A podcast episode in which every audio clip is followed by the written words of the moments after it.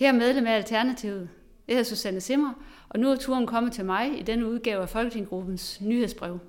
Jeg er ordfører for natur, og mit område i Folketingsgruppen dækker stort set alt, der skaber mere rigt dyre- og planteliv. Jeg har glædet mig rigtig meget til at kunne skrive til jer alle sammen og fortælle lidt om, hvordan livet på Folketinget så småt er begyndt, og hvad jeg har at drømme for fremtiden på den her grønne gang på Christiansborg.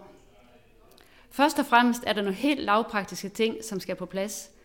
Ligesom med alt andet nyt arbejde. Ny computer, folketingsmail, arbejdstelefon, og så har jeg allerede kørt i tog en hel del gange imellem København og Nordjylland. Alle os nye medlemmer af Folketinget har også fået en introduktion til det parlamentariske arbejde, altså både arbejde i selve Folketingssalen og i alle udvalgene, hvordan indstillinger, spørgsmål osv. fungerer. Det har været helt vildt spændende, og jeg glæder mig virkelig til for alvor at skære i salen, så jeg kan få prøvet det af i praksis. Men jeg kan også mærke, at den største udfordring for mig lige nu er at lære at prioritere min tid. Jeg har i alt 11 gode ordførerskaber og er medlem af fem udvalg, hvor der hører så meget læsestof til. Heldigvis er der en masse hjælp at få, både fra vores egne rådgiver, men også fra udvalgssekretærer og på biblioteket, og alle er bare så positive. Jeg er også godt i gang med at lære MF'er fra andre partier at kende, hvilket også er rigtig dejligt. Allerede nu er jeg faktisk godt oppe i arbejdsgear, og jeg har en masse ting på bloggen, som jeg vil tage fat på herinde. Det står blandt andet på pant på cigaretskod. I kan se et link. Det står på nattog gennem Danmark og ud i Europa. Og hertil er der også et link. Det handler om miljøzoner, urørt natur, og jeg kunne blive ved. Nogle ting er jeg allerede ved at kaste mig ud i, og andre ting kommer til, som sæsonen skrider frem.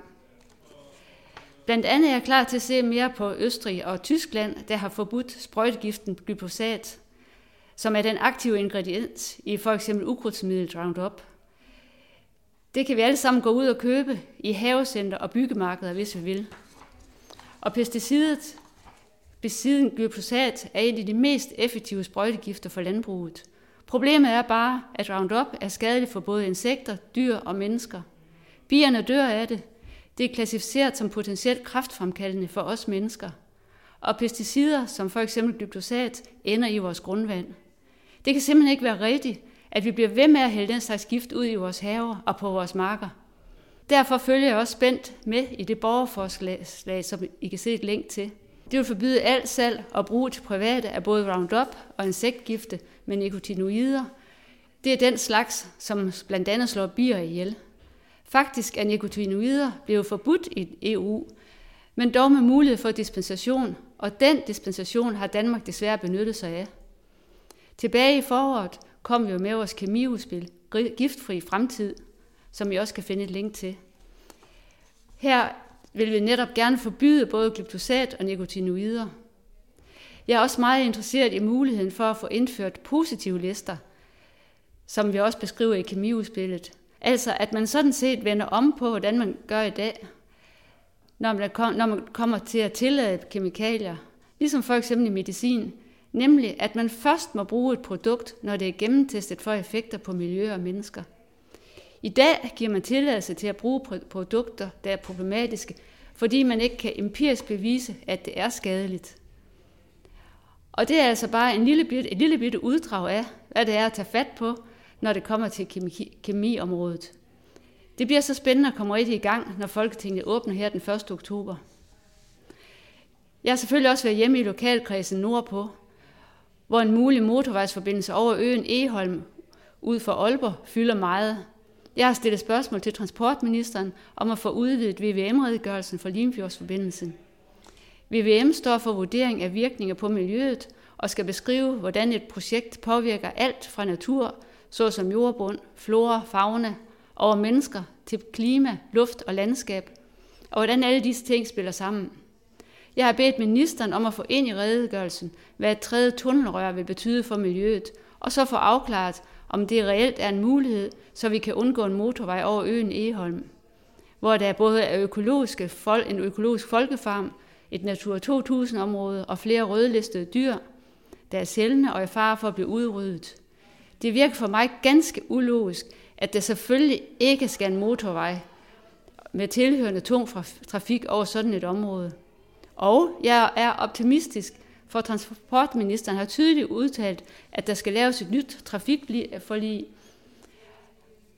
Og i forrige weekend var jeg til Eholm, Festi- øh, Eholm Bæredygtigheds- og Musikfestival, hvor jeg holdt en lille tale om, hvor vigtigt det er at beskytte vores naturområder mod ødelæggende infrastruktur, og hvor vigtigt det er, at vi alle, store som små, kæmper mod motorvejen.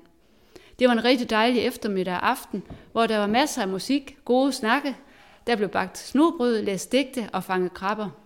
Du kan læse mere om Eholm og kampen for at få stoppet motorvejsprojektet hos øh, aktionsgruppen Eholm Motorvejen. Nej tak på Facebook.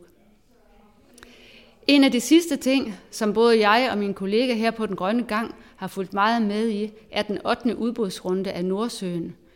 I sidste uge så vi både nuværende og tidligere vismænd gå i informationen og anbefale regeringen, at den ikke skal tillade nye tilladelser, eller give nye tilladelser til at lede efter olie og gas i Nordsøen.